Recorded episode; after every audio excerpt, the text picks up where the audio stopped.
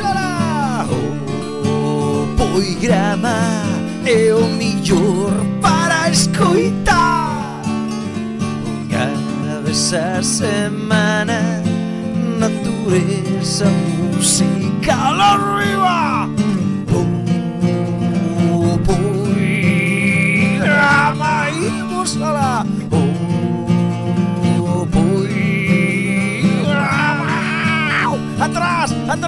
wow, wow, pasa pastor. Poigrama International. Pero buscamos un ser raro que igual nunca falaras. Espera. Ah, dime un ser raro. Eh. un que sí que é rarísimo, rarísimo. Lle chaman o Avixón. E o Avixón eh, é unha zona que chaman a volta da Moura, na estrada, que é unha zona moi oscura, apartada, que dicen que a veces por ali, se ibas por a noite, a xente xa non iba por culpa del, se che aparecía un ser, tipo acompaña, así polo estilo, que che decía se querías ir polo, pola terra ou polo aire. Se ti dicías, normalmente a xente quería ser máis lista, quería tallar, mándame polo aire. Entón que che daba un golpe aparecías polo aire na casa, no campanario ou tal. Queridos amigos e amigas do verdadeiramente auténtico. Sí, escoitaches perfectamente. Hai un ser que se chama o abixón que dache un golpe, bueno, primeiro pregunta se queres ir por terra ou por aire, pero claro, a xente como é máis lista dache un golpe e apareces polo aire na casa ou encima dun campanario, claro, a ver, tampouco é tan preciso.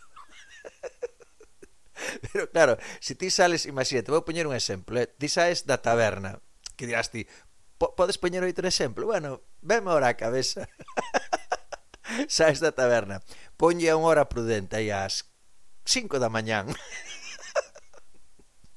en vez de estar en vez de aparecer na casa, apareces no campanario e dis que foi o avixón, non pasa nada. Ahora, o nome eu aí sinceramente cambiaría o nome e poñería el Chapulín Colorado. É que si por exemplo, non? por un exemplo, eh, para entender isto. Non chegas a casa en toda a noite, non? vanche buscar e aparece encima do campanario claro, se si dis eh, o avixón, uf, queda duda, non? Pero, por exemplo, que che dixo aí? Chapulín colorado. Pois, tranquilamente, pode ser o sacristán. que che dixo?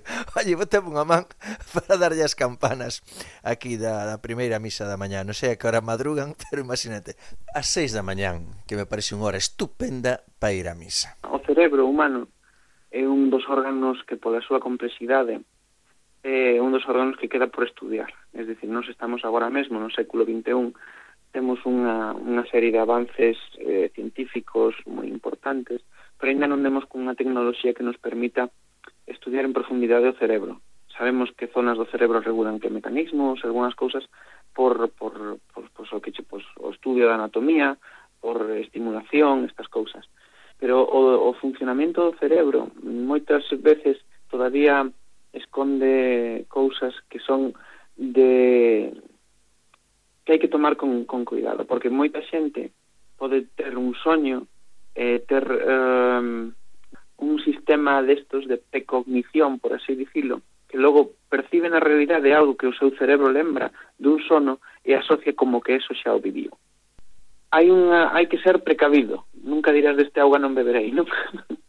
Pero hai que ser eh, pragmático. A, a medicina como ciencia observacional, este, ata que non metes o dedo na ferida, non o crees. Que pasa? Pois é que que diste, hai veces que se dan circunstancias que xente porque ten ten alucinacións visuais, eh, a ciencia explica dese xeito pois algunha eh, claro. ti podes ter, por exemplo, eu teño tido soños eh, no pasado de mm, experiencias de soños vívidos e logo tes unha experiencia real que se te asemella, que quedou grabada dese soño eh, en tempo pretérito, e isto xa o vivín, pero non deixa de ser coincidencias que o teu cerebro adapta. Soños vívidos. Hai soños que deixan máis pegada na nosa memoria que moitas das cousas que pasan no diario vivir. Aquí o doutor Montiel dinos que todo é mente, porque todo está procesado por o cerebro. Todo o que percibimos, todo o que vemos, todo o que oímos, todo o que sentimos pasa dentro de nós. A árbore que vemos no exterior realmente estamos la vendo dentro do cerebro. E o cerebro tamén ten a capacidade de soñar. Entón, nalgún momento pode confundir as dúas realidades e aparece o abeixón. que non estamos dicindo que ses así, cuidado. Simplemente, ante un caso tan extraordinario, quixemos unha segunda opinión. e nesta segunda opinión do doutor, imos resaltar o de nunca digas desta agua non beberei. Mira ti que prudente. a seguinte historia é precisamente deso, dun rapaz que vai a buscar auga a unha fonte para beber e pasou de ser unha cousa misteriosa a, unha vez aplicada a ciencia, a parecer o caso. Chon, chon, chon, chon, chon. El eh, mandaron a fonte a coller agua. Eh, claro, tiña que pasar por un par de, de, de leiras, era de noite. Eh, claro, o chaval debía ter botalle que a mellor 12 anos ou, ou menos incluso. Igual tiña 8 ou 9. Eh, foi ata ata a fonte a coller agua eh, pois non é como agora que non agora hai luz en todos os lados antes había un par de, de luces e, punto, o resto sabe o camiño, sabes por onde vas E claro, o chaval no medio da escuridade de repente levou un golpe, pero un golpe, dice que foi pero pero un ostión. E o chaval acojonouse como normal, o sea, levas un ostión da nada e botou a correr. Escapou, liscou dai.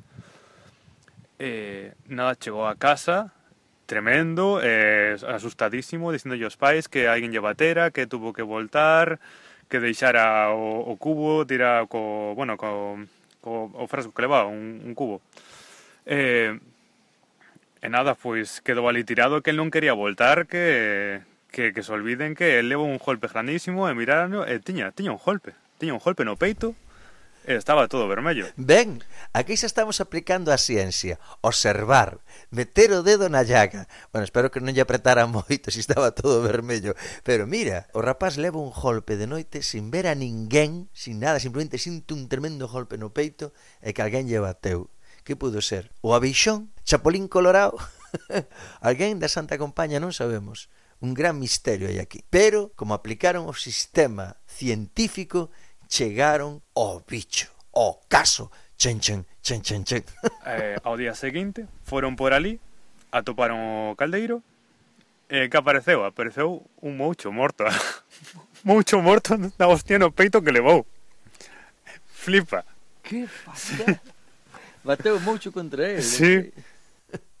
Increíble. O moucho no seu voo nocturno batelle no peito ao rapaz. Mira, non calculou ben o impacto foi tan forte que o moucho morreu no acto. E o rapaz, sin ver nada, só sentindo o tremendo golpe, corre pa casa. O día seguinte van ao lugar dos feitos e ven un moucho morto.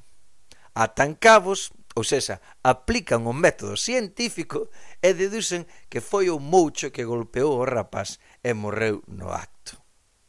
Se non fose así, pois outro invento, non digo, a ver, non digo que o abeixón estas cousas sen inventos, cuidado, non digo eso, pero dá lugar á especulación. Dá lugar, por exemplo, a que pasen historias como esta. Eh, había un home que estaba indo por estaba camiñando polo monte, este home, eh, empezou a sentir unha presencia. El puxo sin, bueno, sentíase incómodo, estaba intranquilo, comezou a camiñar máis rápido, tentaba chegar a casa antes, eh, nada, se sentía como perseguido, acosado. Sentiu que algo agarrou, que algo intentou eh, collelo. El botou a correr. Claro, fuxiu desfavorido do lugar, no medio monte que estaba el solo.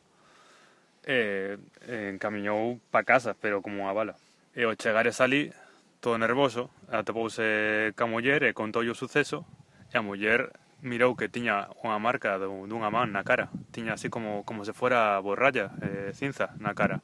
E dixo que, que mirara iso que, que levaba na cara, que traía, tiña unha marca dunha man, e que, que, que pasara. El dixo iso, que solo que estuvera camiñando, que sentía unha presencia, e nesto que, que alguén agarrou. E intentou eh, limpiar a marca que tiña na cara, con xabón e auga, pero non, non saía eh, nada, pois estaban nerviosos co, co suceso. Ao día seguinte, a marca si foi desaparecendo aos poucos. Foi como como se fora un, un moratón, pero non era un moratón, algo. Foi como se fose un moratón, pero non era un moratón, algo. Aquí non aplicaron o método científico, porque o que terían que ir era o día seguinte o lugar dos feitos. Igual atopaban un moucho tirado no chan, ou un moncho. a Moncho, atopaban a Moncho, que o pobre recebeu unha patada do abeixón, e claro, non pindo polo aire, quedou a mitad do camiño. E o home cabreado por recibir semejante patada, veu pasar a este outro e doulle unha lavasada. Na oscuridade da noite non veu nada, e o home ao chegar a casa tiña ese moratón, que claro, non sae con xabón. Esta é unha explicación plausible, eh? cuidado de todos os xeitos, nós non temos por que explicar as cousas. A nosa función é mostralas ao mundo, na máis, que vexan como somos ou como éramos. o que si nos gustaría era deixar pegada, pero unha pegada de alegría, que a xente cando escoite o grava diga paseino de maravilla. Non me valeu pa nada, eh? pero paseino de maravilla, que sí que vale. Temos que coñecer o pasado para non repetilo. Importantísimo. Ai, que ben o pasamos, eh? Ata semana que ven.